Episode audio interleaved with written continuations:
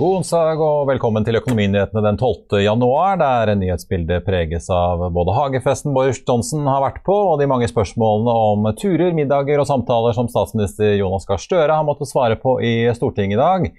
For nå har også Høyre-leder Erna Solberg vært ute og manet Arbeiderpartiet til å høre på flertallets skepsis mot Jens Stoltenberg som ny Norges Bank-sjef. Men nok om det. Dagens sending skal handle om gass og også teknisk analyse av Rex Silicon etter hvert. Men vi skal også begynne med å se på dagens børsnyheter og markedet akkurat nå. Hovedindeksen er solid, opp 1,4 eh, i dag, og er i, dag i pluss for andre dag eh, på rad, og også for året. Det blinker også grønt eh, rundt oss i Europa på børsen etter en solid opptur i Asia i morges og i natt. Futuresene på Wall Street peker også mot en grønn start på de amerikanske børsene om en times tid. Her eh, hjemme så får vi også ekstra drahjelp av at nordsjøoljen hoppet hele 3,4 i går. Eh, og er så svakt opp i dag og ligger nå på nesten 84 dollar per fat i spotmarkedet.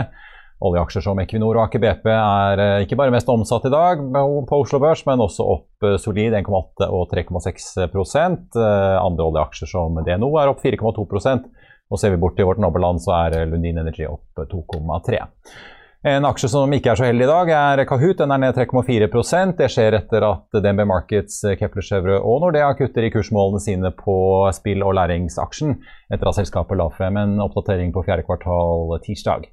Selskapet skrev da at veksten ble noe lavere enn det de hadde guidet tidligere. Frank Maae i DNB Markets setter nå aksjen til hold. Han sier at det kommer etter at de har sett tegn på avtagende viral vekst i selskapet og at det er citat, betydelig risiko for at selskapet ikke klarer å levere på egne målsettinger i år på fakturerte inntekter. Maae mener samtidig at nedgraderingen han gjør fra 75 til 44 kroner på aksjen er udramatisk. Kahoot handles nå til like under 40 kroner, kraftig ned fra den toppen vi så på 130 kroner for omtrent nøyaktig ett år siden. Equinor skriver ned tungoljefeltet Mariner på britisk sokkel nok en gang, denne gangen med 1,8 milliarder dollar, eller nesten 16 milliarder norske kroner etter at uh, selskapet tar ned estimatene for de utvinnbare reservene fra 275 til 180 millioner fat på feltet. Tapet det tas i regnskapet for fjerde kvartal som kommer 9.2, og skjer basert på produksjonsdata og seismikk fra det ene reservoaret på feltet, kalt uh, Maureen. Da Equinor i august 2019 meldte at feltet var i produksjon, hadde det kostet 7,7 milliarder dollar å bygge ut, og den gangen anslo man at man ville klare å utvinne over 300 millioner fat fra feltet. Equinor har skrevet ned Mariner to ganger tidligere, begge ganger i fjor. og Equinor-aksjen er opp 1,8 i dag, men altså noe mindre enn andre oljeaksjer på Oslo Børs. Vi får også nevne at eh, Gram Car Carrier, som først annonserte en børsnotering i november i fjor, eh, som senere ble utsatt, nå er tilbake.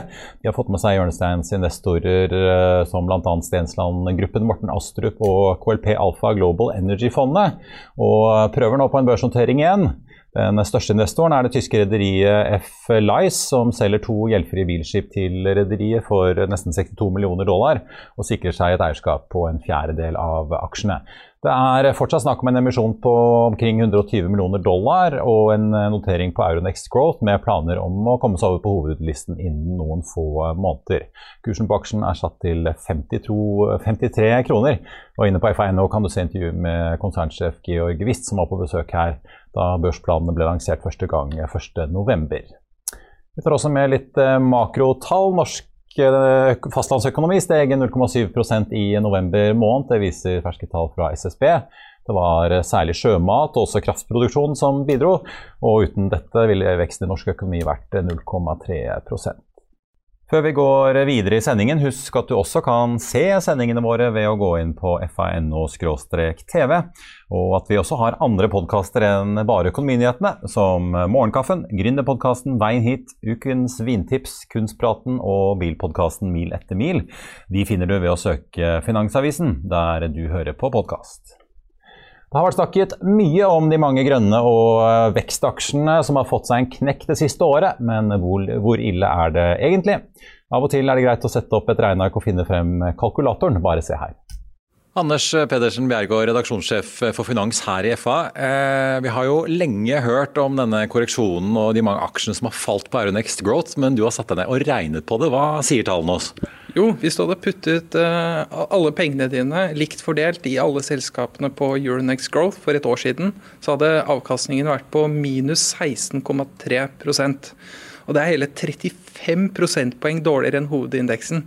Så det er helt katastrofe. Ja, for Det har vært en uh, ganske god fest på Oslo Børs, men uh, hvis man plasserte seg litt feil, så gikk man på en smell, altså.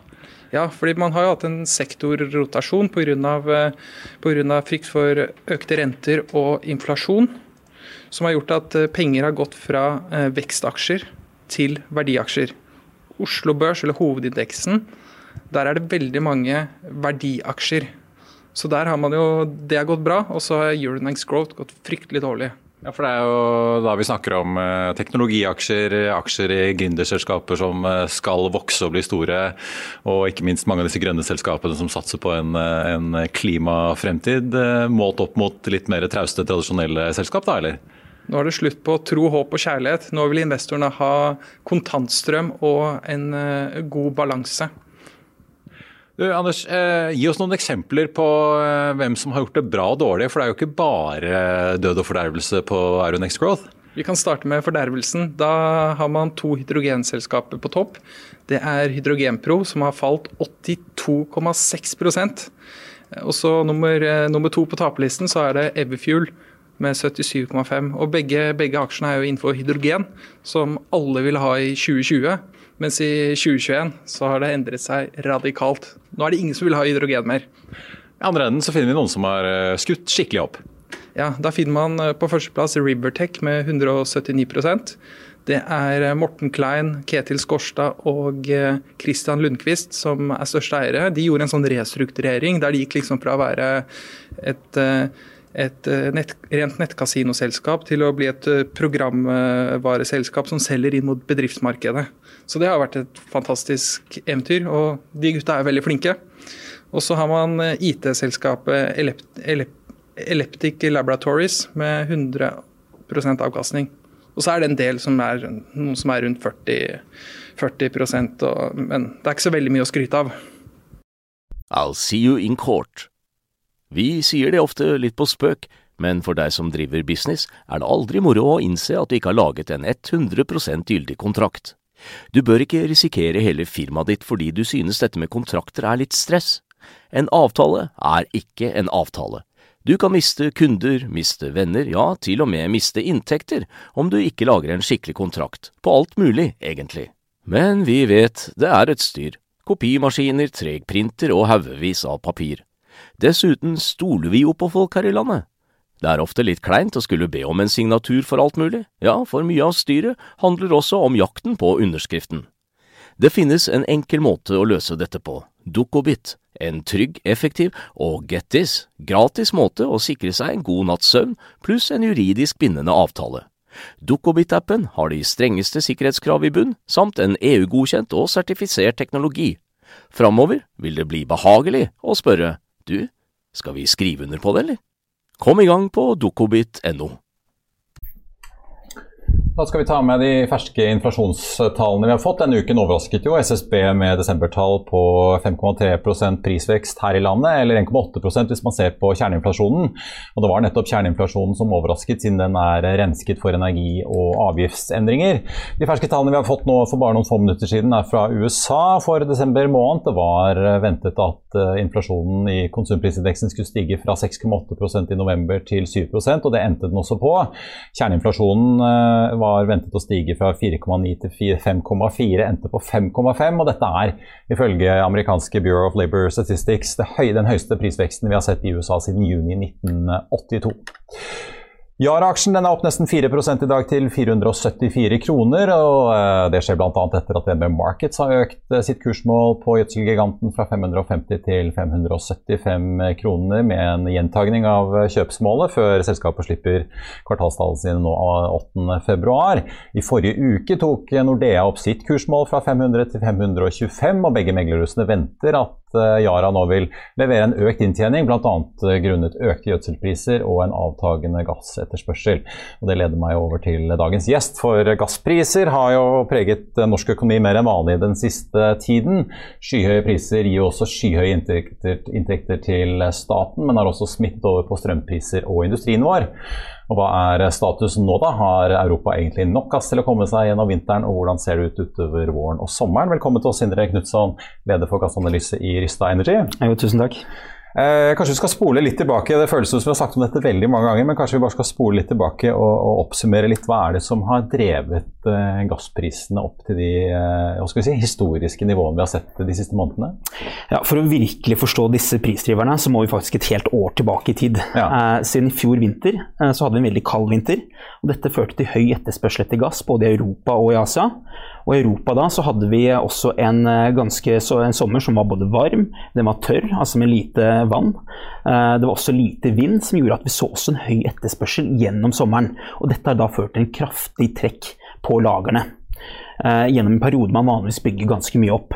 Og Allerede da så, så vi at gassprisen begynte å stige i Europa, sammen med karbonpriser, med kullpriser, som også da hadde en selvforsterkende effekt. Men kanskje enda viktigere gjennom det siste halvåret så så vi også fallende eh, eksport inn fra Russland inn til Europa. Og det var det som kom som en liten overraskelse for, for markedet. Og ja, for det er Norge, Norge og Russland som er liksom de store ja. leverandørene inn til kontinentet? Ja. ja. og Norge har jevnt over levert veldig bra volumer, mens det har falt da inn fra Russland. Eh, og det førte til at denne her gassbalansen og lagrene falt enda mer. Eh, og det gjorde da at vi hadde en ganske sterk ubalanse i Europa. Europa da måtte inn i LNG-markedet ganske kraftig og søke etter volumer. Eh, og LNG-markedet har allerede vært i et underskudd. 2021 eh, så var det mye problemer med LNG-produksjonen, samtidig som det var høy etterspørsel. Du hadde en tørke i Sør-Amerika som drev opp etterspørselen etter gass og LNG. Du hadde høy etterspørsel i Asia også, spesielt da drevet av, av, av, Kina. Og Kina også var ute og skulle rett og slett støvsuge det globale markedet for LNG. Så det ble da en budkrig som drev opp gass- og LNG-prisene eh, inn da mot, eh, mot julen. Og så toppet det seg da, da, vi fant ut at, at, Russland ikke kom til å levere noe særlig større volumer inn mot denne vinteren. Og det var da du så at i midten av desember så, så du gassprisene helt opp til 50 dollar per MMBTU, som ja. er ca. 300 dollar per fat.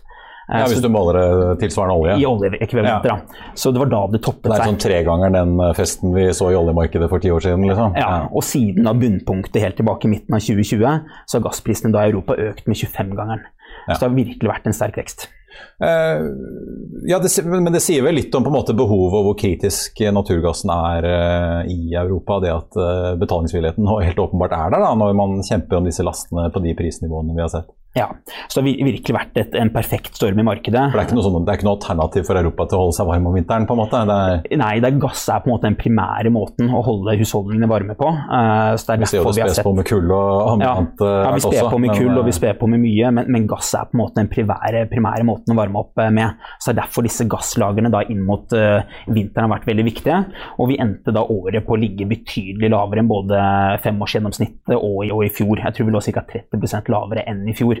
Så det er derfor denne usikkerheten oppsto på hvorvidt det var nok gass til å holde Europa varm rett og slett gjennom vinteren. Men eh, Vi hadde besøk her av Maria Morees Hansen eh, tidligere i uken, som snakket om at hun så dette som et, egentlig mer enn et europeisk fenomen. fordi at eh, ja, vi har brukt flytende naturgass, LNG-skip, til å fylle på marginalt i Europa det behovet vi ikke klarer å dekke med, med gass i rør. Men at ja, som du sier, andre regioner i verden også har liksom skreket etter mer gass, så er på en måte de de prisene det er en, en global uh, trend vi ser, da, at prisene er så høye?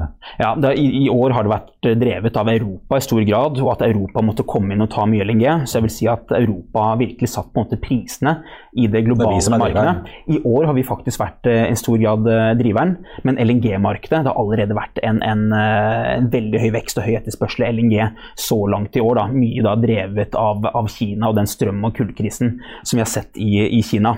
Så det har vært både du kan også si at det har vært et globalt fenomen og virkelig en perfekt storm i globale gassmarkeder.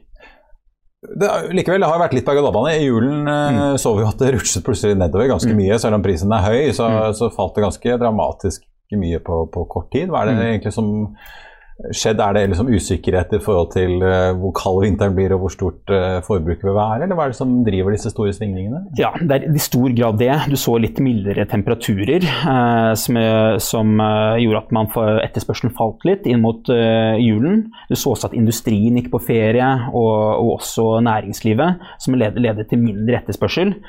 Du så mildere temperaturer i Asia også, som gjorde at flere LNG-cargo-skip da kom inn til det europeiske markedet.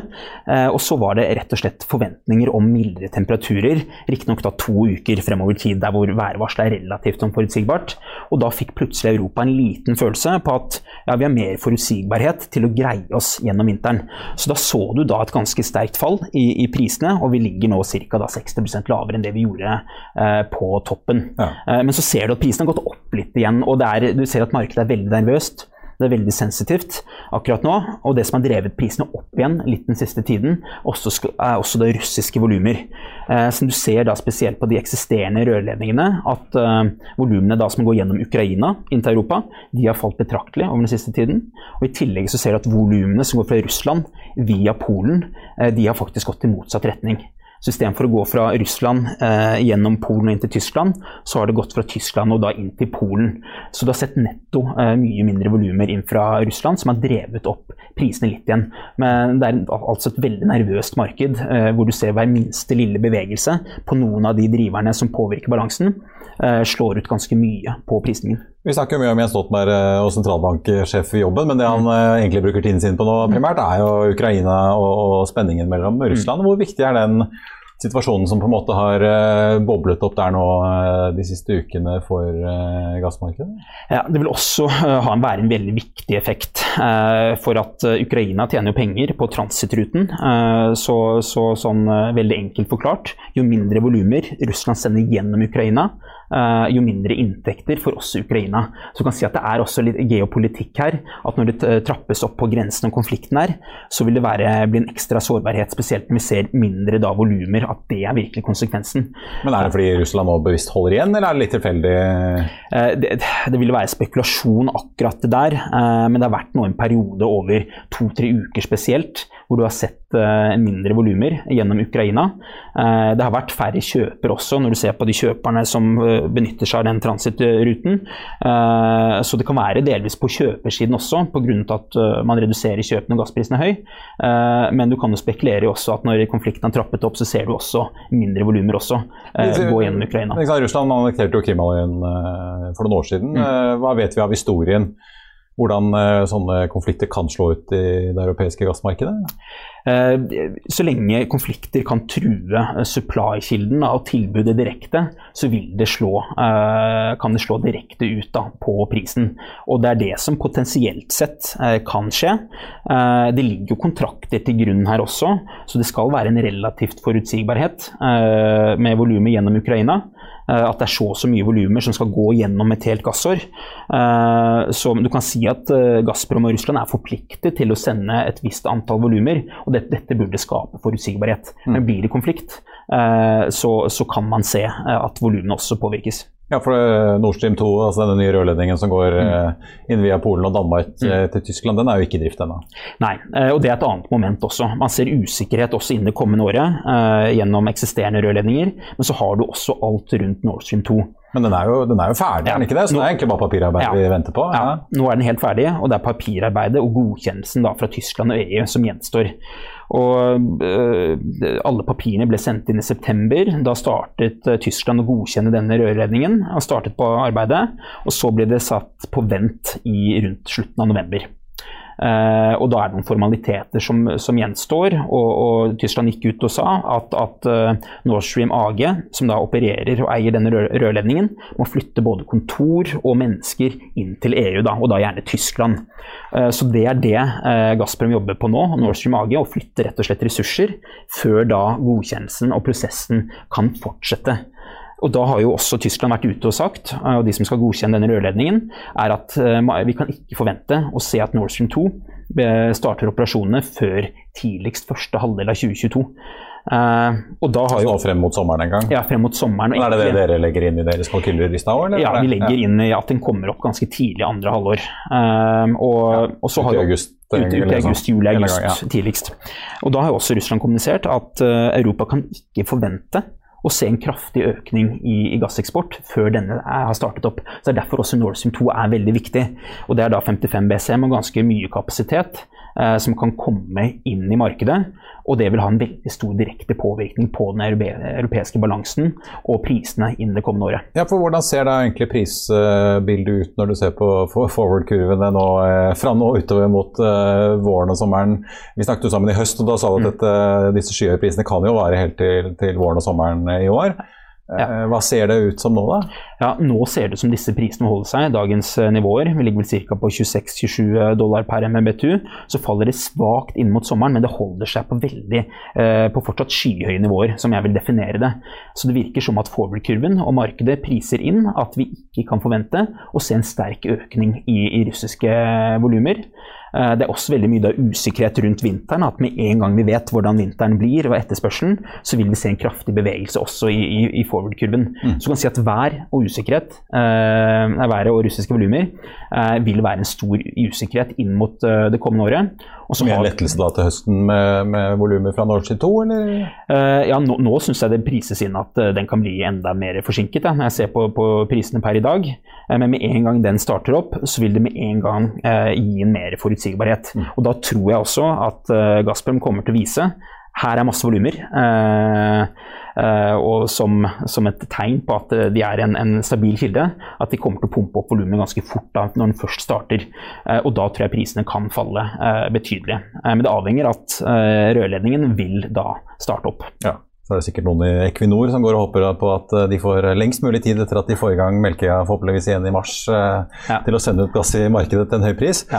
Eh, vi må snakke litt om, om eh, hva som rører seg i Brussel, ikke bare på Nato-hovedkontoret, men også hos EU-kommisjonen. For de mm. har jo drevet og gjort litt justeringer i denne famøse taksonomien som skal eh, styre hva som regnes som bærekraftige investeringer på kontinentet fremover. Og nå har jo plutselig da atomkraft og naturgass kommet inn som overgangsformer. Mm. Uh, hvor viktig, Nå får vi jo se hva det blir til, men det ligger mm. i hvert fall inne i forslaget fra kommisjonen. Eh, med Riktignok med noen krav om uh, hvor mye utslipp mm. naturgassen skal gi, og sånn, og at den må erstatte kull osv. Uh, hvor viktig er dette egentlig, og hvilken effekt tror du det vil ha for oss i Norge som en stor mm. gassprodusent? Ja. Jeg kan starte litt med en sånn bakgrunn for det. Uh, og hvilke trender vi har sett i Europa så langt. Uh, det vi har sett i, Europa gjennom de siste årene, er at vi har sett en voldsom elektrifisering. Uh, det har innebært at vi har på en måte skiftet fra fossile biler, fra diesel og bensin, over til, til, strøm. Og dette har drevet en kraftig etterspørsel etter strøm, og vil fortsette å gjøre det. Vi ser også elektrifiseringen av husholdningene og industrien som vil komme sterkere inn i de kommende tiårene. Eh, samtidig har vi stengt ned både kull, vi har stengt ned atomkraftverk, og vi har bygget mye fornybart. Eh, men spørsmålet er om vi har bygget nok fornybart, og om vi kommer til å gjøre det fremover. Så hvis ikke vi gjør det, så vil dette oversette til å bli direkte eh, gassetterspørsel. Og Det er derfor også gass kommer inn, og samtidig også med, med, med atomkraftverk. Og vi trenger det rett og slett over en lengre periode. Så det, det er nettopp her den effekten kommer litt inn. Hvorfor vi nå diskuterer om vi skal definere gass, gass som bærekraftig. Og som du sa, så er det også ganske eh, strenge utslippskrav, og det er noen betingelser for at vi skal kunne definere gasskraftverk eh, som, eh, som bærekraftige. Og det er bl.a. at CO2-utslippet, eller først og fremst, må det erstatte en mer skitten energikilde, som da fort er kullkraftverk. Og så i tillegg må det ha et utslipp som er ligger på ca. 270 gram per kilowattime, og under det. Og I dag så har gjennomsnittlige gasskraftverkene i Europa utslipp på ca. 350 gram per kWt. De mest effektive. Så det er, som på, er som på bil, de må ja. bli litt renere hvert år? Ja, og, ja. og, de mest effektive ligger nå på 300. Eh, men hvis du blander inn f.eks. 20% hydrogen i gassen, da kommer du ned på 270. Du kan også legge til karbonfangst eller biogass eh, for å få ned da, disse utslippene. Så det er ikke sånn at du bare skal eh, definere gassen som, som, bærekraftig, men at det er ganske strenge krav i da, en overgangsperiode. Og siden disse er teknologiene med både karbonfangst og storskala hydrogenproduksjon, det er fortsatt ganske umodne teknologier. Det er mye ting som skjer i det bildet akkurat nå. Men siden det er ganske umodent, så vil det også være usikker, så usikker hvor faktisk stor effekten vil være på f.eks. gassetterspørsel av dette her. Men jeg vil jo si at det er en, en, en positiv effekt, og det vil isolert sett være positivt for gassmarkedet. Um, ja, for det, altså, I den norske debatten så har jo enkelte, særlig på da, miljøsiden, omtrent argumentert på at EU vil ikke ha vår gass mm. om ikke altfor mange år. Men mm det du forteller nå, det virker jo nesten som det har vært skrevet av den norske oljelobbyen, at her får vi eksportere gass, og vi kan til og med blande litt hydrogen, så vi kan bygge et par hydrogenanlegg eh, og spe mm. på i rørene ned til Europa i tillegg. Ja. ja. det treffer jo eh, Norge ganske bra her, som en, som en stor gasseksportør til Europa. Vi leverer ca. 20% av gassen til Europa eh, per i dag, og vi har også mye ambisjoner innenfor karbonfangst, mye prosjekter gående, også innenfor hydrogen. Eh, så hvis dette isolert sett vil lede til økt etterspørsel, eller stabil etterspørsel etter norsk gass, så er det positivt. Eh, men det kan også lede etter da, etterspørsel etter norsk hydrogen. Enten om du lager hydrogen blått med, med, norsk gass i Norge, eller om du lager hydrogen av, av, norsk gass i Europa. Så isolert sett vil jo dette her være positivt da for, for Norge og eksporten. Det diskuteres jo mye liksom, når er peak oil, altså når slutter oljeetterspørselen i verden å vokse. Har dere noe mm. sånn klare anslag på gassen? da, så Når uh, kan vi regne med at uh, appetitten vil begynne å gå ned uh, etter hvert? Ja. er det liksom så langt ut i horisonten, eller er det Nei, vi, vi, ser det virkelig på horisonten. Og i Europa så ser vi egentlig det de, de nærmeste årene. At den eneste grunnen til at du, du har økt etterspørsel i Europa de kommende årene, vil være at du stenger ned f.eks. kull- og atomkraftverk. Eh, men ellers så ser vi den fallende fra rundt midten av 2020. Eh, men vi forventer at den skal være relativt stabil. Eh, du bruker altså det er ganske flat kurve? Ganske flat, noe, ja. flat, og så vil den falle. Drevet av da strømsektoren, men etter hvert også husholdningene og industrien ettersom det elektrifiserer. Men for resten av verden, Asia, skal det fortsette å vokse de neste, neste 20 årene. USA kan se, det, se en peak sånn midten av 30-tallet.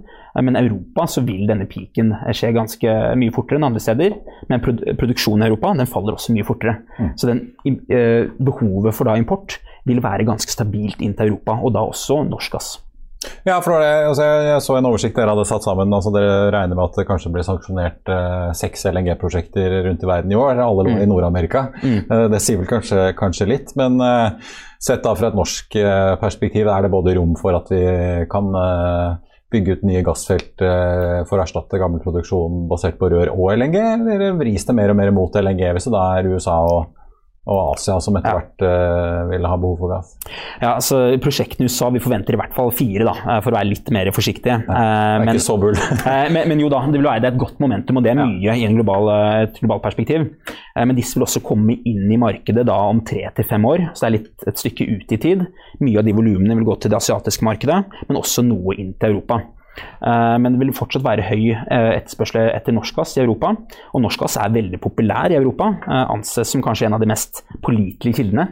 Og i tillegg så er den mest konkurransedyktig når vi ser på kostnadsperspektivet. Den er også det laveste utslippet. Hvis du ser på, på utslippet fra, gjennom produksjonen og leveransen inn til Europa, så ligger vel eh, Norge på ca. 7 eh, kilo per, eh, per fat med oljeekvivalenter. Mens Russland ligger på 25. Amerikansk gass ligger nesten oppe på 60. Så nesten nigangeren av norske volumer. Og det gjør også at norsk gass blir relativt populær i Europa i forhold til andre steder. I valget mellom mange onder? Ja. det, kan du, det, kan du, si. Det kan du si. Litt kynisk sagt? Ja, ja det, det, stemmer. Ja. Sindre Knutson, eh, tusen takk for at du kom innom. Så skal vi følge med. Vi vet jo at det er både folk i Finansdepartementet og mange i oljenæringen som følger med på hva gassprisene skal være fremover. Mm. Tusen takk. Og da skal vi ta en titt på markedet nå på tampen av eh, sendingen. Hovedindeksen på Oslo Børs er oppe 1,55% og holder dermed et godt momentum inn mot uh, dagens avslutning. På listen over de mest omsatte aksjene så ligger Equinor og Aker BP på topp, opp 1,8 og 4 Tett etterfulgt av Yara, som ligger opp 4% og altså er oppgradert av eh, både DNB Markets i dag og Nordea i forrige uke.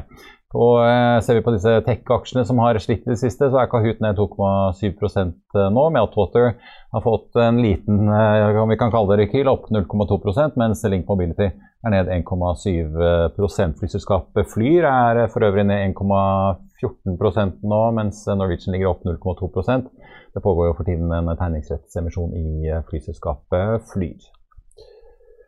Hold ut Jens Stoltenberg, ja det skriver Trygve Hegnar i sin leder. Og hvorfor han kommer med denne beskjeden til en av de to som søker om å bli leder av sentralbanken, det kan du lese om i Finansavisen i morgen. Der kan du også lese om Finanstilsynets syn på analytikeres luftige verdsettelser. Og du kan lese at boligselskapet Oslo Bolig trolig får flertall i Oslo rådhus. Det var det vi hadde for i dag, men vi er tilbake i morgen klokken 14.30. I mellomtiden får du som alltid siste nytt på fa.no. Takk for at du så på, og så håper jeg vi ses igjen i morgen.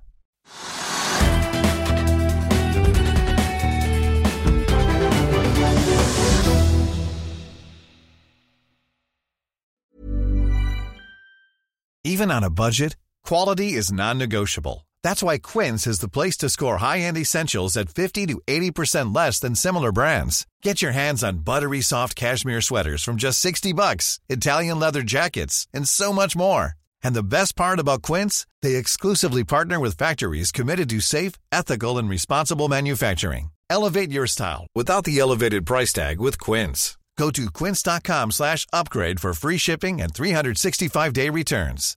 When you make decisions for your company, you look for the no-brainers. And if you have a lot of mailing to do, stamps.com is the ultimate no-brainer. It streamlines your processes to make your business more efficient, which makes you less busy. Mail checks, invoices, legal documents, and everything you need to keep your business running with Stamps.com. Seamlessly connect with every major marketplace and shopping cart. Schedule package pickups and see your cheapest and fastest shipping options from different carriers. With rates up to 89% off USPS and UPS rates. And with the Stamps.com mobile app, you can take care of mailing and shipping wherever you are. Make the same no-brainer decision as over 1 million other businesses with stamps.com. Sign up with code program for a 4-week trial plus free postage and a free digital scale. No long-term commitments or contracts. That's stamps.com. Code program. Økonominyhetene er en podkast fra Finansavisen. Programledere er Marius Lorentzen, Stein Ove Haugen og Benedikte Storm Bamvik. Produsenter er Lars Brenden Skram og Bashar Johar. Og ansvarlig redaktør er Trygve Hegnar.